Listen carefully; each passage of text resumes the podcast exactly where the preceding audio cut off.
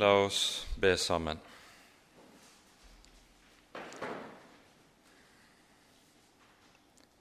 Kjære gode Gud og himmelske Far. Vi takker og lover deg på ny for all din godhet imot oss.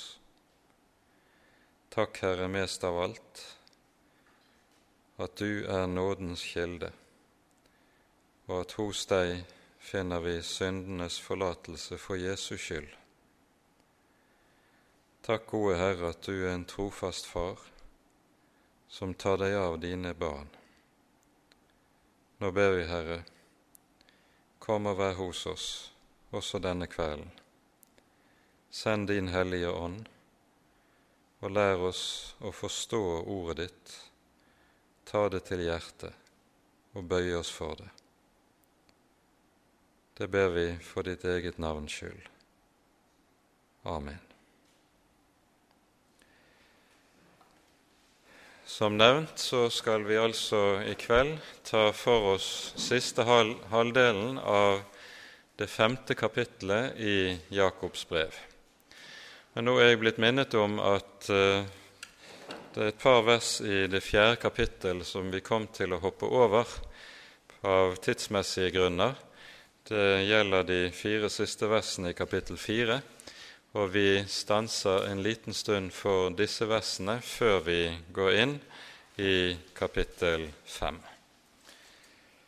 Vi leser da fra kapittel 4, fra vers 13. Nå vel, dere som sier, i dag eller i morgen drar vi til den eller den byen. Vi skal bli der et år og drive handel og tjene penger. Dere som ikke kjenner morgendagen, hva er vel deres liv?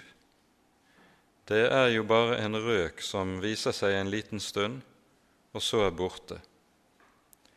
I stedet skulle dere si:" Om Herren vil, så får vi leve og kan gjøre dette eller hint. Men dere skryter og roser dere selv. All slik selvros er ond. Den som altså vet hva godt han burde gjøre, men ikke gjør det, for ham er det synd. Det dette avsnittet tar opp, det er det vi kunne kalle for praktisk ateisme. Det taler om eh, troende mennesker som eh, planlegger sitt liv og fremt, sin fremtid uten å spørre etter hva det er som mon er Guds vilje med livet, og derfor heller ikke gjør på den måten når de ber, at de legger dagen sin i Herrens hender. Vi møter den stikk motsatte holdningen hos Paulus i en rekke sammenhenger. F.eks. i første Korinterbrev hører vi hvordan han planlegger å reise for å besøke menigheten i Korint på ny. Men han føyer til 'hvis Gud vil'. Og I det ligger det en klar bevissthet om at hans vei ligger ikke i hans egne hender. Det er opp til Herren å styre hans skritt, og så må han både erkjenne og bøye seg inn under det som er Guds måte å styre og lede livet på. Det å planlegge veien og planlegge fremtiden uten Herren, dvs. Si bare legge opp planer ut fra hva en selv mener må være klokt og ganglig med tanke på å få utbytte av det som ligger foran, det henger sammen med det vi leste i det 16. verset. Det henger sammen med hovmod. Det henger sammen med det at mennesket i realiteten ikke regner med Han som er Gud, men selv vil stå for styret i alle ting. Et menneske som tenker på den måten, det lukker øynene for flere grunnleggende forhold. For det første for eh, det som vi leser i Jeremia-boken i det tiende kapittelet, der profeten sier følgende.: Jeg vet, Herre, at et menneske ikke selv råder for sin vei. En slik erkjennelse er grunnleggende med tanke på det kristne livet. Å vite det at det er Herren som står for styret, det er ganske avgjørende for hvordan en ser på og vurderer livet i sin helhet. Og Derfor er det en ganske annen holdning som vil gjøre seg gjeldende og være avgjørende for et kristent menneske, nemlig det som vi leser om i Salme 37, vers 5. Sett din vei i Herrens hånd, og stol på ham. Han skal gjøre det. Og Det betyr konkret at en kristen, når han står overfor uh, ulike veivalg i livet, veivalg som kan være avgjørende med tanke på fremtiden, så er det noe som alltid skal legges frem for Herren i bønn om at Han tar meg i sine hender, at Han lar sin vilje råde, og at jeg i stillhet kan øves i å bøye meg inn under Hans vilje. Det er jo et stående uttrykk som fra gammelt av har vært brukt i kristenheten når man taler om ting som ligger foran. Man sier 'deo volente', latin, og det betyr konkret 'dersom Gud vil'. Og det skal et kristent menneske alltid øve seg i å si ikke bare med sin munn, men i sitt hjerte. Det vi hører om disse som eh, vi her eh, hører omtalt, det er altså noe som er uttrykk for en praktisk ateisme. At en ikke i det praktiske og det faktiske liv regner med Gud og at Han har sin vilje med oss. Det kan synes som om det er slike som tenker at det som har med Gud og det åndelige liv, det er nettopp noe som kun vedrører noe åndelig, og som ikke har noe med den praktiske hverdag og den praktiske virkelighet å gjøre. Men saken er jo i Guds ord den at det tvert om er slik at Herren ønsker å være en del av vår konkrete hverdag, av vårt konkrete og faktiske liv. Og Derfor skal en kristen øve seg i å tenke som vi her hører. Han skal si om det er Guds vilje, skal vi gjøre så eller så. Avsnittet slutter med et vers som sammenfatter store deler av det vi har hørt frem til nå i Jakobsbrevet. Den som altså vet hva godt han burde gjøre, men ikke gjør det, for ham er det synd. Det er tale om altså det vi kaller for unnlatelsessynd, og vi bør være oppmerksomme på Dette er noe som hører til i enhver rett kristens synserkjennelse, at vi nok vet at våre unnlatelsessynder er langt flere enn våre faktiske gjerningssynder. For mange troende er det slik at de kan synes som om de er noenlunde fornøyd om de klarer å la være å forbryte seg i det ytre mot noen av de ti bud. Og så tenker de at da har de sitt noenlunde på det tørre. Men Skriften taler altså også tydelig om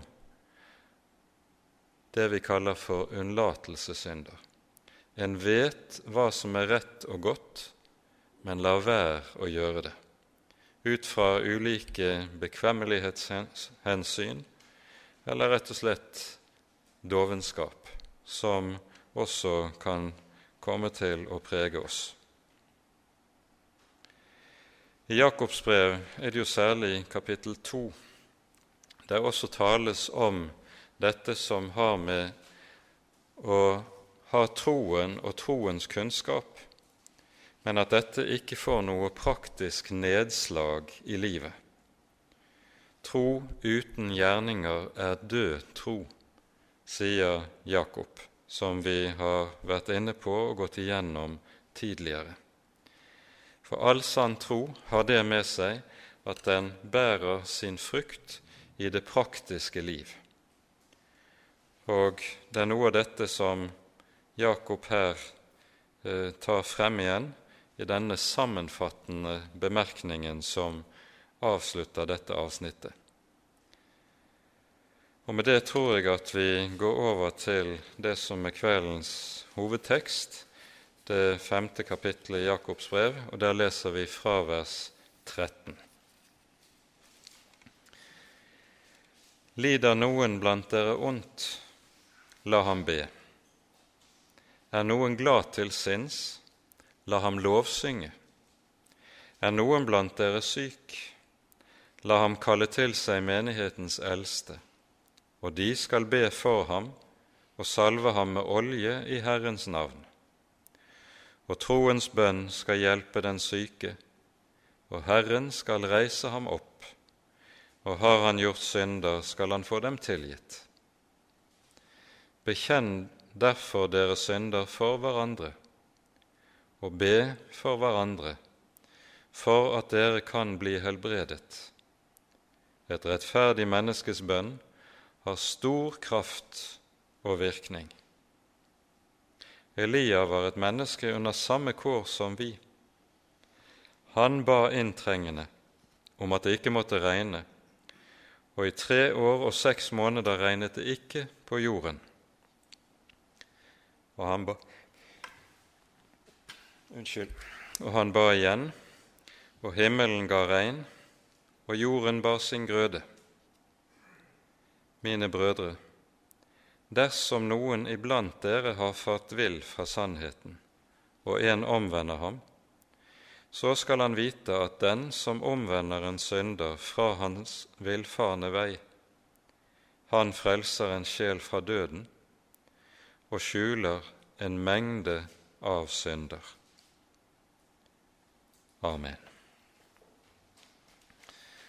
Det avsnittet som vi her har for oss, det er et avsnitt der det tas opp tre ulike slags nød som eh, kristne mennesker kan komme inn under og rammes av. Det første som nevnes i vers 14, det er sykdom. Det andre som nevnes i slutten av vers 15 og 16, det er fall i synd. Og det tredje som nevnes, er det vi hører fra vers 19. Det er det å fare vill fra sannheten, dvs. Si på en eller annen måte komme inn under påvirkning fra vrang lære, slik at en farer vill. Så Jakobsbrevet slutter altså med å ta opp forholdet til disse ting i all korthet og å søke å peke på hjelpen også i denne sammenheng.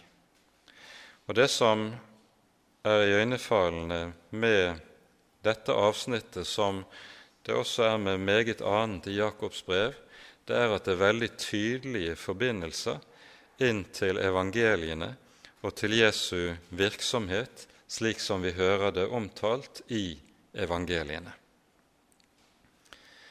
Men avsnittet begynner altså med en formaning, en oppmuntring. Lider noen blant dere ondt, da la ham be. Er noen glad til sinns, da la ham lovsynge. Her har vi et ord i Forkynnerens bok i kapittel 7 som helt eh, tydelig ligger bakom det Jakob her skriver. I, Jakob, I Forkynneren i kapittel 7 vers 14 står det som følger.: På en god dag skal du verve godt mot, og på en ond dag skal du tenke på at Gud har gjort den også like så vel som den annen, for at mennesket ikke skal finne ut noe om det som kommer etter.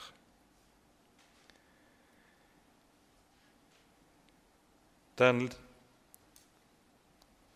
bibelske visdom som lyder i et sånt vers, er vel verd å stanse opp for, ikke minst i møte med en del av den herlighetsteologi som vi har sett stadig dukke opp på ny og på ny de senere årtier, hvor man på en eller annen måte stadig kan få høre at fordi Gud er god, så vil han ikke at vi skal rammes av noe som er ondt. Men da blir jo spørsmålet umiddelbart i fortsettelsen. Hva er det da som er ondt, og hva er det som er godt i ordets egentlige og rette forstand. Og I Den hellige Skrift er det slik at alt det som medvirker til at du og jeg kan nå det evige liv, det er godt, selv om det kan oppleves som noe som både kan være pinefullt og smertefullt.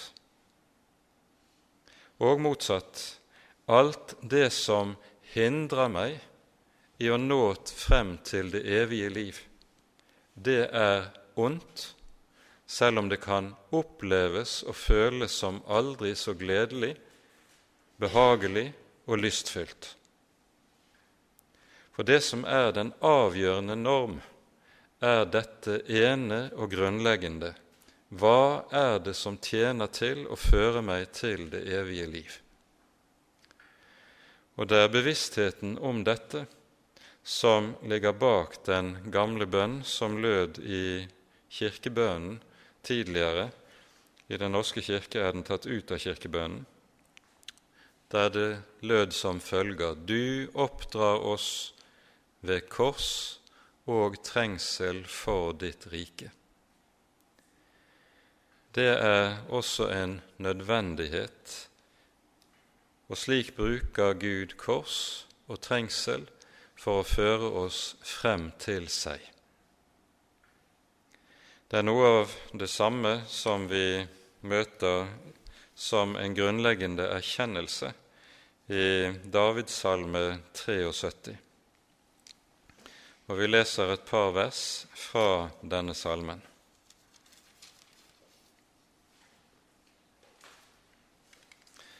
Her skriver han, det er jo Asaf som har skrevet denne salmen, og han skriver som følger.: Jeg blir alltid hos deg, du har grepet min høyre hånd. Du leder meg ved ditt råd, og deretter tar du meg opp i herlighet. Hvem har jeg ellers i himmelen? Når jeg bare har deg, begjærer jeg ikke noe på jorden. Om enn mitt kjød og mitt hjerte forgår, så er Gud mitt hjertes klippe og min del for evig. Dette setter saken i det rette perspektiv.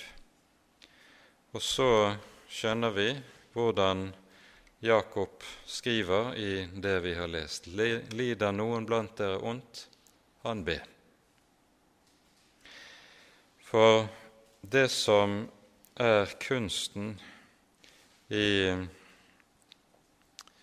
kristen bønn når det gjelder slike ting, det er to ting.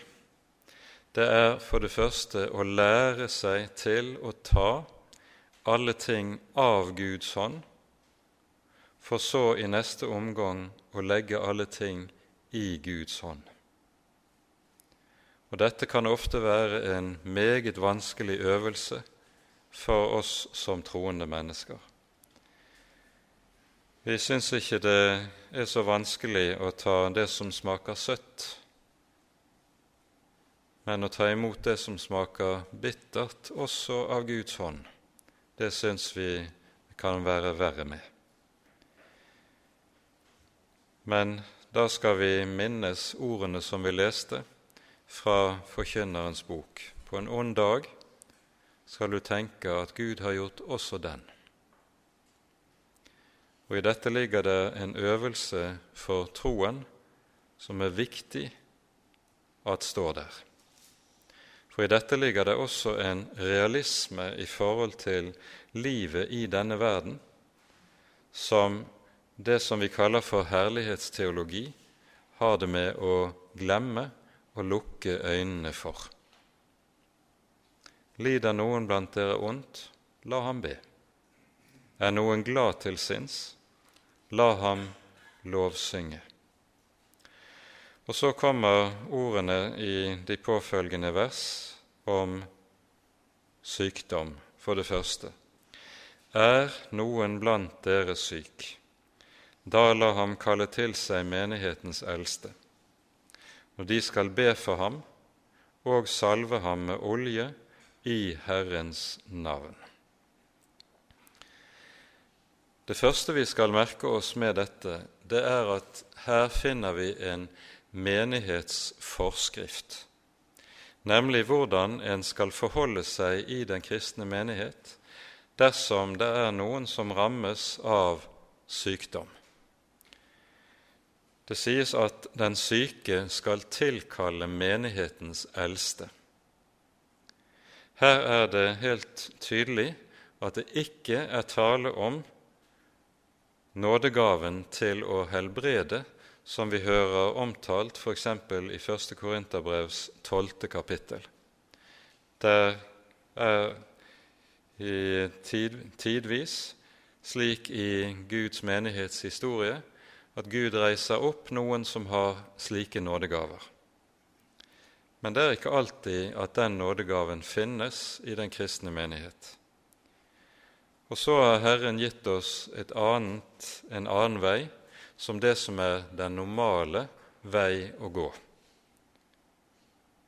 Om noen er syk, da skal han kalle til seg menighetens eldste. Det betyr at de kalles til og går hjem til vedkommende. Og så skjer det samtale og forbønn ved sykeleie der bak hjemmets fire vegger. Det er altså noe som skjer i det stille. Og dette er den normale ordning i den kristne menighet. Det vi har sett de siste hundrede årene, der såkalte helbredelsespredikanter reiser omkring og arrangerer helbredelsesmøter der helbredelsene blir noe à la et show som foregår på en scene med en jublende masse under, det er noe som ikke har dekning i Guds ord, og ofte virker stikk motsatt vei av det som Den hellige Skrift peker på og lærer oss å gå.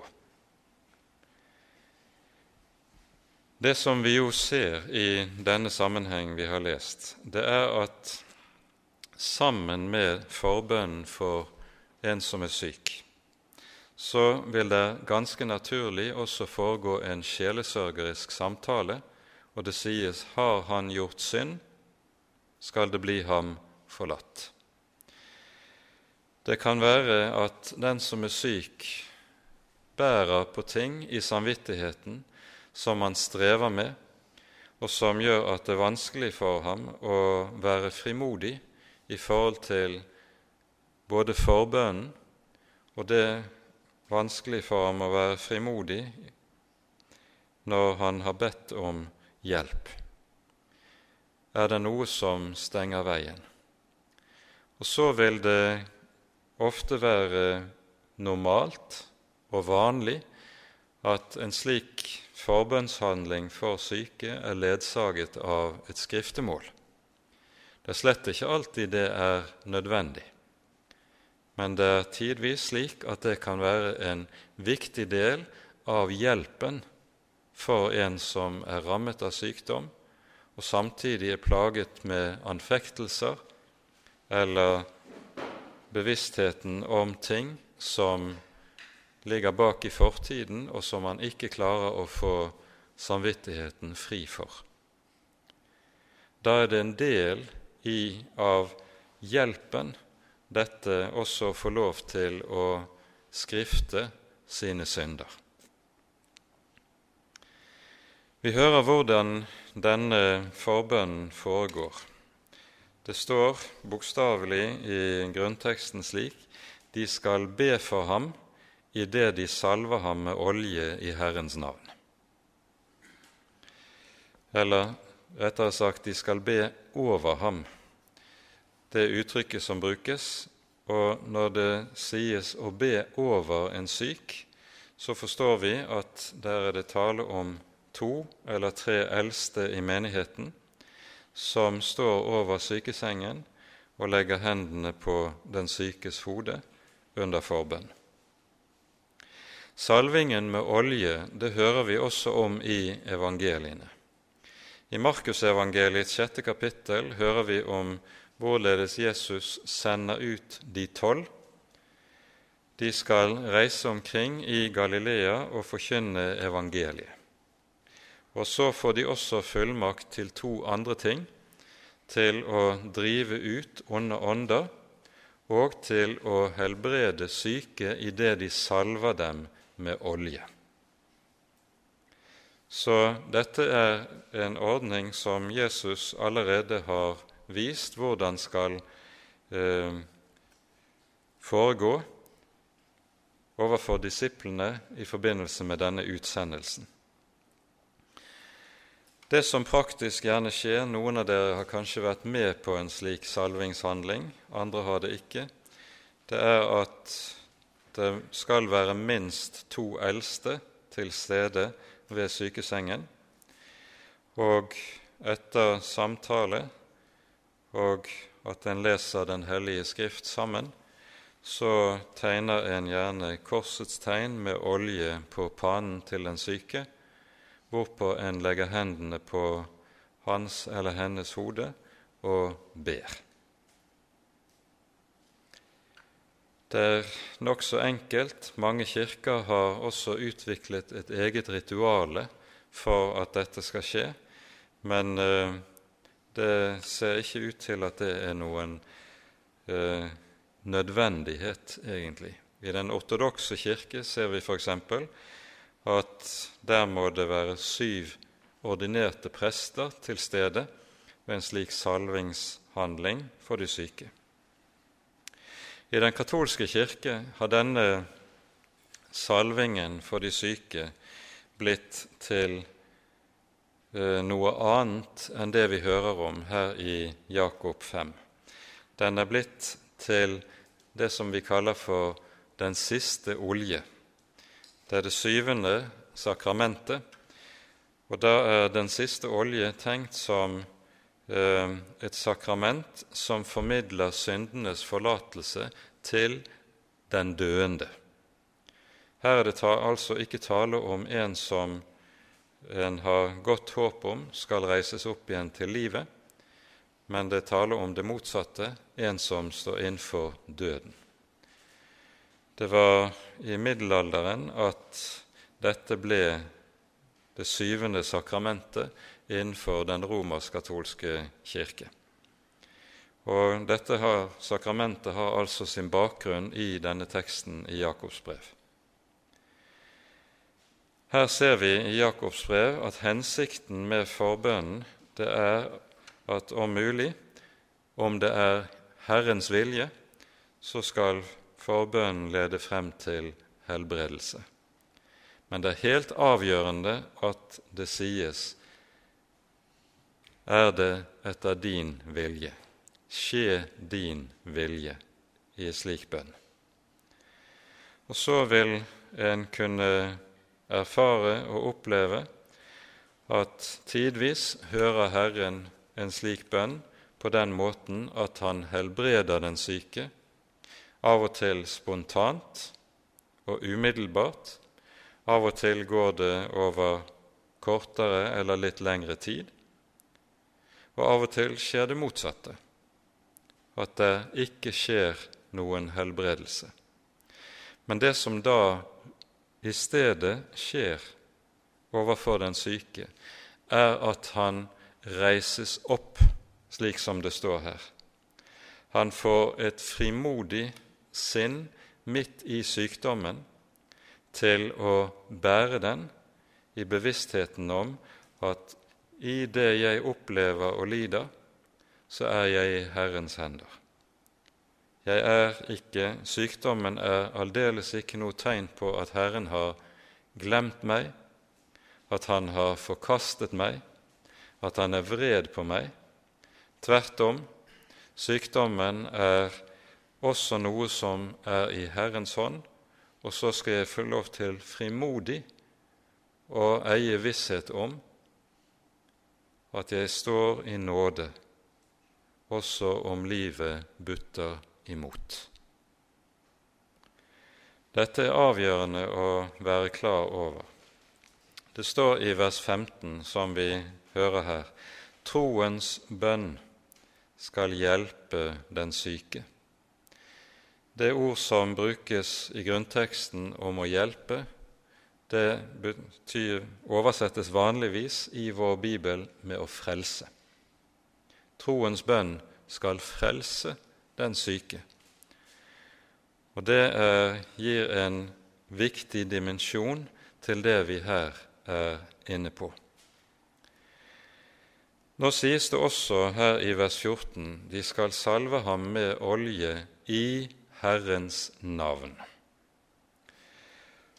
Og Da er det avgjørende å være klar over at det som er hjelpen i all slik bønn, det er Herrens navn.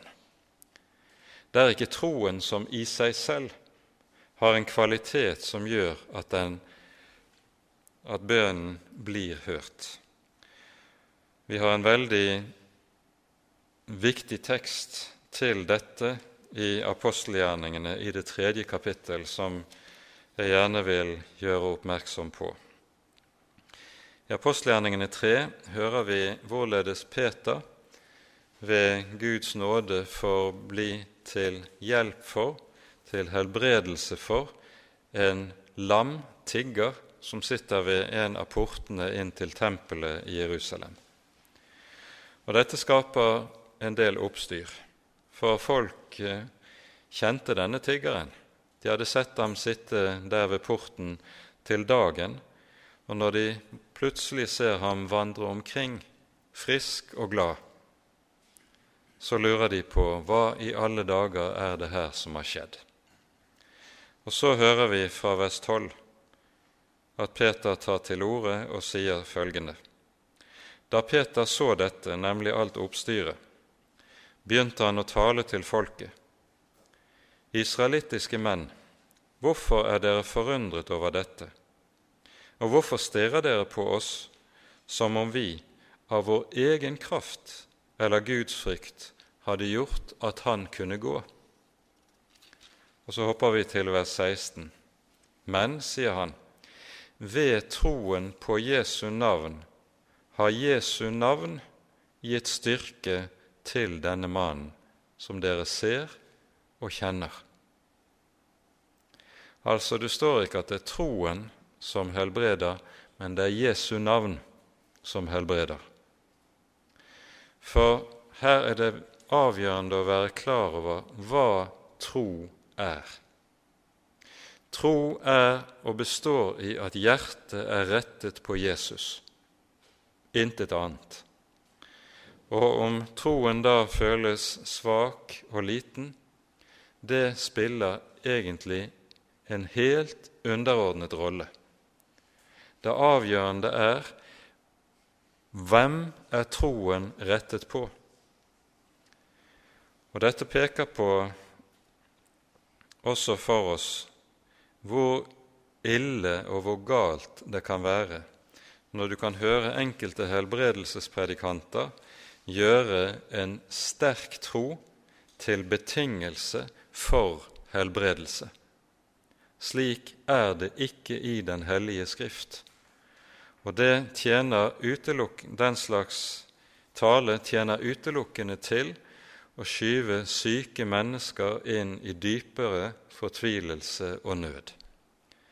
For da er det jo ikke bare slik at de må streve med sin lidelse, sin sykdom og sin smerte, men de må i tillegg også tenke som så at Jesus er misfornøyd med meg fordi jeg har så svak en tro, og derfor vil han heller ikke bønnhøre meg.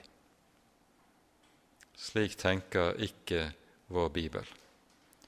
I stedet ser vi tvert imot at Jesus er kjennetegnet ved at han hjelper også de som har en liten tro, en svak tro. Og Dette hører vi ved flere ulike anledninger. Tenk f.eks. bare på den gangen Peter skulle gå på vannet. Jesus kommer gående til disiplene over sjøen, det opprørte vannet, midt på natten. Peter sier til Jesus, 'Herre, er det deg? Da si til meg at jeg skal komme ut til deg.' Og så hopper Peter over ripen på båten. Og Så begynner han å legge merke til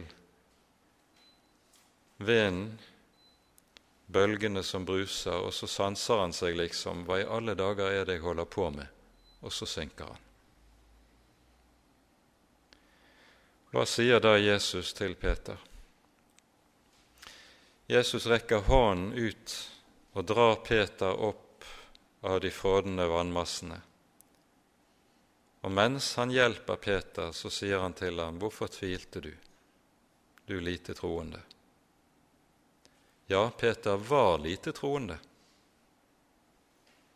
men Jesus nektet ikke å hjelpe ham av den grunn. Og nettopp dette ser vi om igjen og om igjen, for dette er noe som stadig kjennetegner Guds barn. Vår tro er ytterst skrøpelig. Den er ikke mye å rose seg av. Og Derfor har Herren også gjort det slik at Hans hjelp, Hans omsorg, Hans trøst er ikke avhengig av troens størrelse eller troens styrke hos hans barn, men det ene og alene avhengig av at han er en Gud som holder det han lover. Og Derfor er det også slik som vi leste i apostelgjerningene 3, ved troen på Hans navn har Hans navn reist denne syke opp. Bibelen formulerer seg meget nøyaktig. Det skal vi være klar over. Nå fortsetter Jakob med å tale om dette som har med skriftemål og bekjennelse av synd i slutten av vers 15 og vers 16. Om han har gjort synder, skal han få dem tilgitt. Bekjenn derfor deres synder for hverandre, og be for hverandre for at dere kan bli helbredet, står det her. På ny er det grunn, i grunnteksten det ordet som betyr frelst. Her er det viktig å være klar over at når det taler om å bekjenne syndene for hverandre, tenkes det på noe som foregår på to nivåer. For det første tenkes det på det allmenne som vi står overfor når vi ber f.eks. Fader vår. Forlat oss vår synd, som også vi forlater våre skyldnere.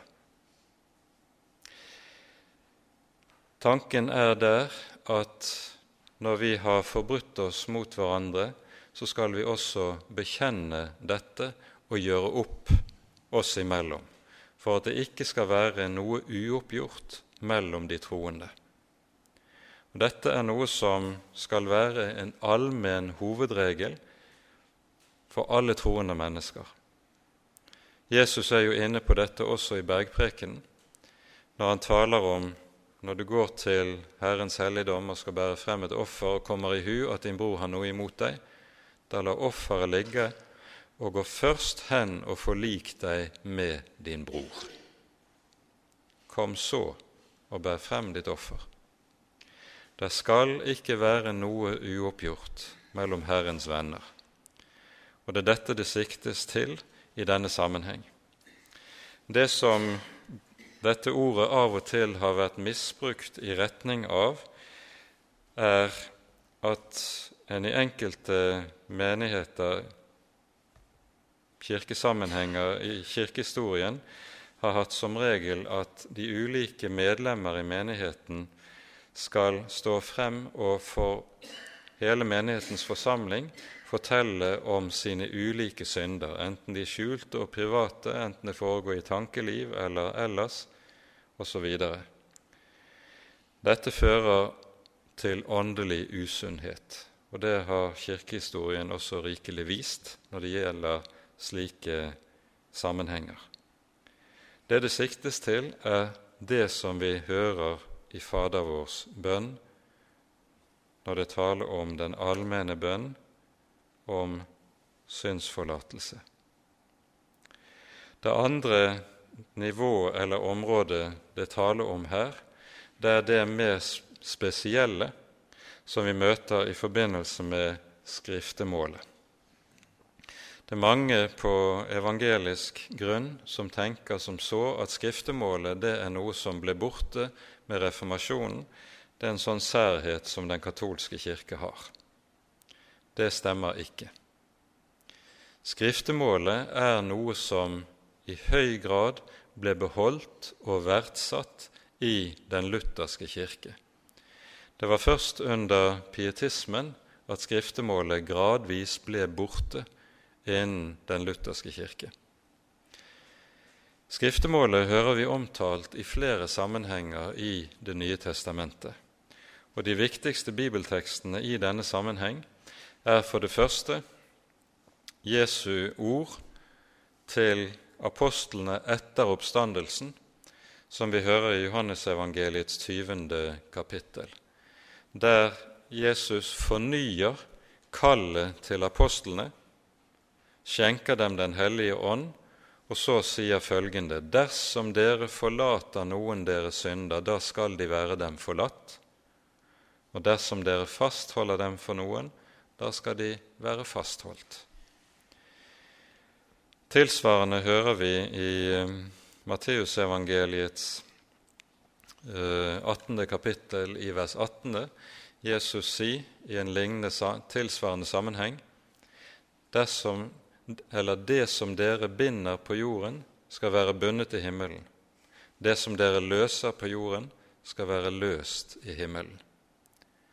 Og Med det taler Jesus altså om en fullmakt som han har gitt sine tjenere til å anvende i skriftemålet. Skriftemålet er noe som er en hjelp som er gitt til Herrens menighet.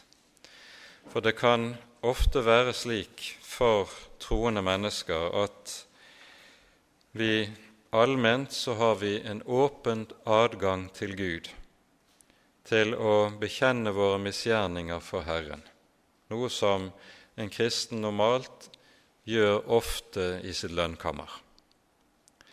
Men så kan det være enkelte synder som plager en, som nager samvittigheten, som en liksom aldri føler en blir ferdig med fordi det ligger i samvittigheten stadig og gnager.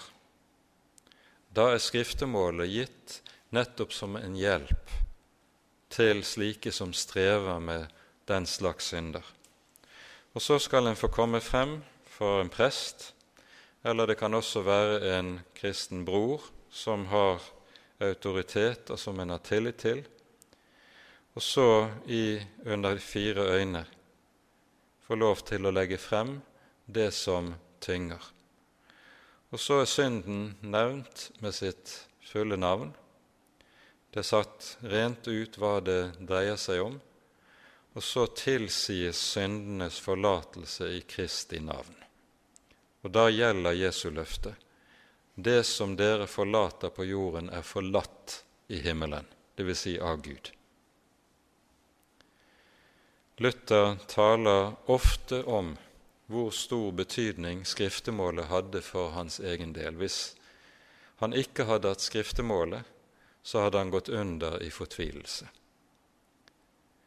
Han var jo plaget antagelig med en overfølsom samvittighet som stakk ham ofte gjennom hele livet. Og så var skriftemålet en stor hjelp og trøst for ham. Av denne grunn ser vi også at i Lille katekisme så står det et eget avsnitt eller et eget kapittel også om skriftemålet. Dessverre er dette uteglemt blant svært mange kristne, men det burde løftes frem igjen, for her er det mye hjelp å hente. Nå fortsetter Jakob med et avsnitt, siste halvdel av vers 16 og ut vers 18. Rett, et, et rettferdig menneskes bønn har stor kraft og virkning. Elia var et menneske under samme kår som vi. Og så hører vi om Elias bønn, men vi skal merke oss hvorledes Jakob her anvender Den hellige skrift. For vi har jo vanskelig for å tenke at Elia var under samme kår som vi. Vi har jo lett for i stedet å tenke en profet som Elia, han var jo noe helt spesielt. Og det er jo klart at da måtte Herren virkelig høre en sånn som han. Men jeg, jeg stiller jo i en helt annen klasse. Og derfor kan jeg ikke forvente bønnhørelse. Nei, sier Jakob, Elia var under samme kår som vi. Og det henger sammen med en viktig grunnsannhet i vår bibel. Det som står i Hebreabrevets 13. kapittel. Jesus Kristus er den samme i går og i dag og til evig tid. Han er den samme for deg og for meg som han var det for Elia, som han var det for Abraham, som han var det for Moses. Han forandrer seg ikke, og han har ikke persons anseelse. Og Derfor er det altså det sies på denne måten. Det som det er spørsmål om, er kun én ting. Er du rettferdig for Gud? For det står 'et rettferdig menneskes bønn har stor kraft og virkning'. Og rettferdig for Gud er du i og med troen på Jesus Kristus. Det er troen på Jesus som rettferdiggjør en synder. Og den som for Jesus skyld er rettferdiggjort, han eier også disse løfter uten forbehold.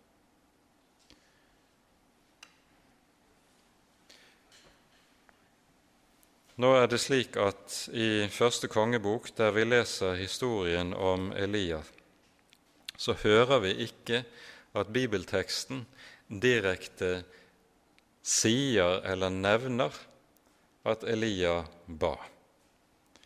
I stedet står det nevnt to kroppsstillinger som Elia inntar.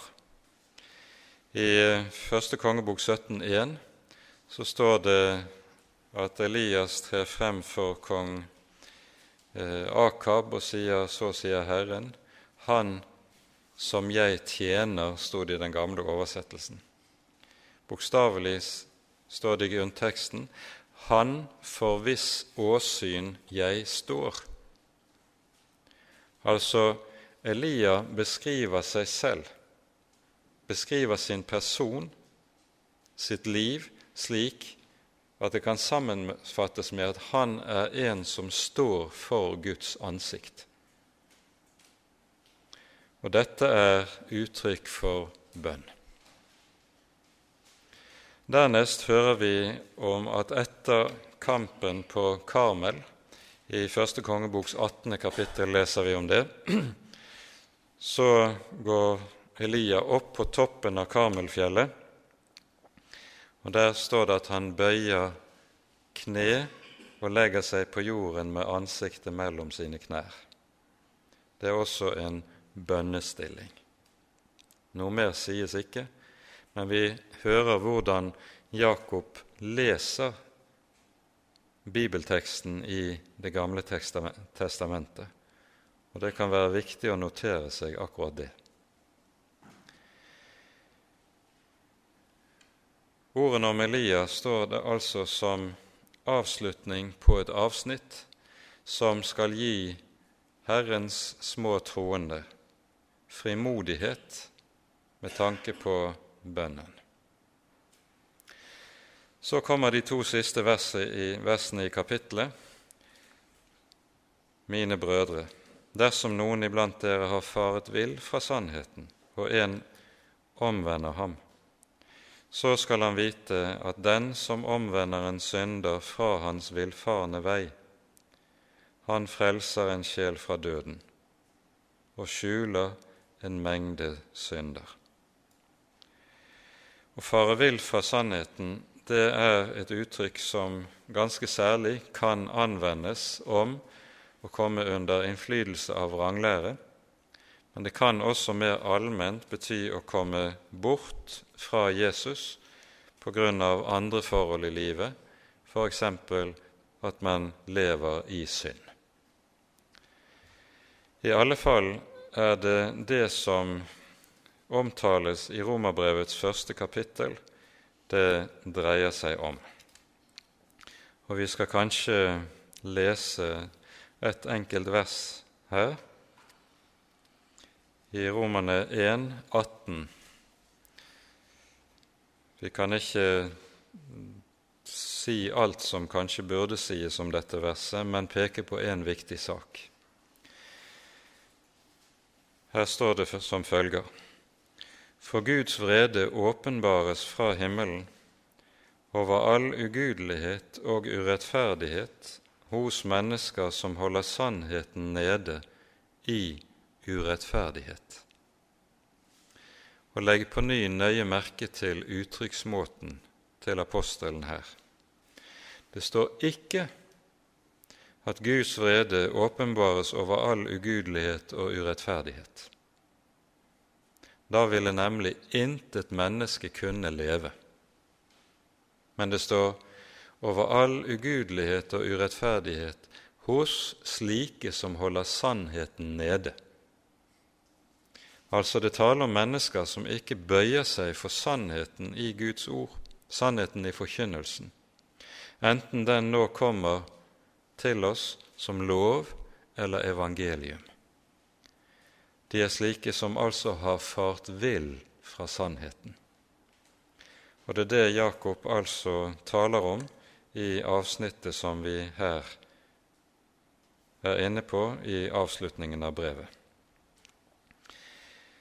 Når vi hører Jesus tale om sitt eget komme, hvorfor han er kommet til verden, så hører vi Jesus si om seg selv at menneskesønnen er kommet for å søke og unnskyld, frelse det som var fortapt. Altså begge deler. Han er kommet både for å søke og for å frelse. Og det som Jakob her taler om, det er at det troende mennesket så å si går inn i Kristi egen gjerning i dette stykket. Vi leser om samme sak i Matteusevangeliets 18. kapittel. Fra vers 12 står det som følger.: Hva mener dere? Dersom en mann har hundre sauer, og en av dem går seg vill, forlater han ikke da de 99 i fjellet og går av sted og leter etter den som har gått seg vill?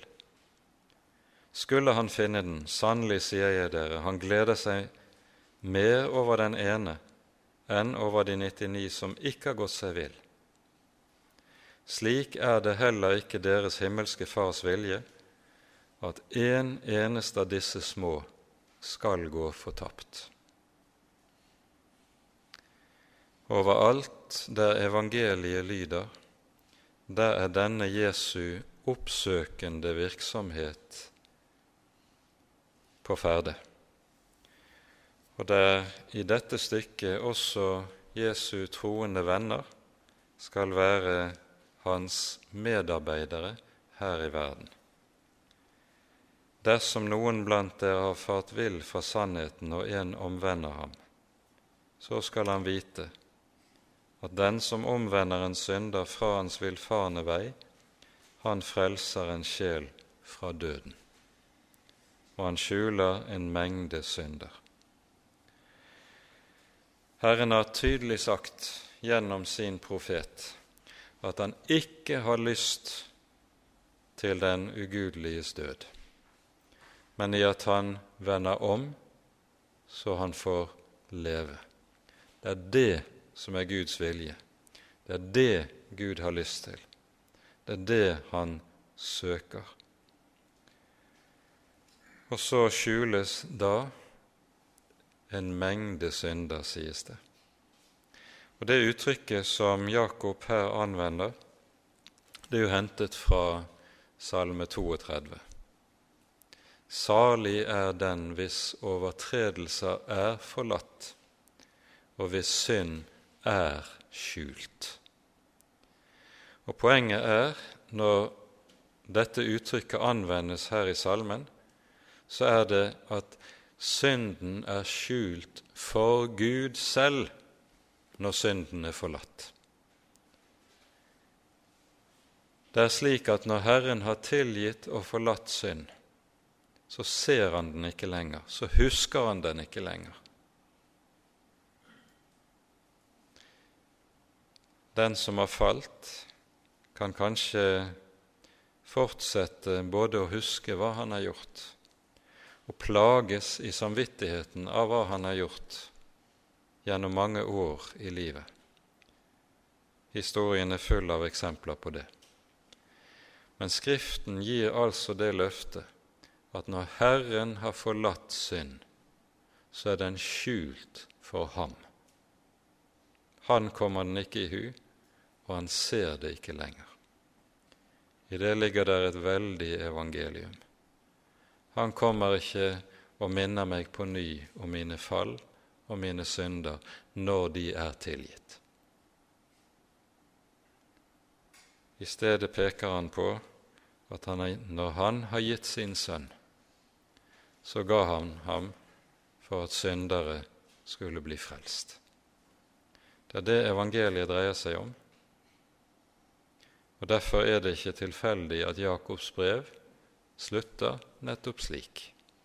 Det slutter med evangeliet om løftet for syndere. Ære være Faderen og Sønnen og Den hellige ånd, som var og er og være skal, en sann Gud, høylovet i evighet. Amen.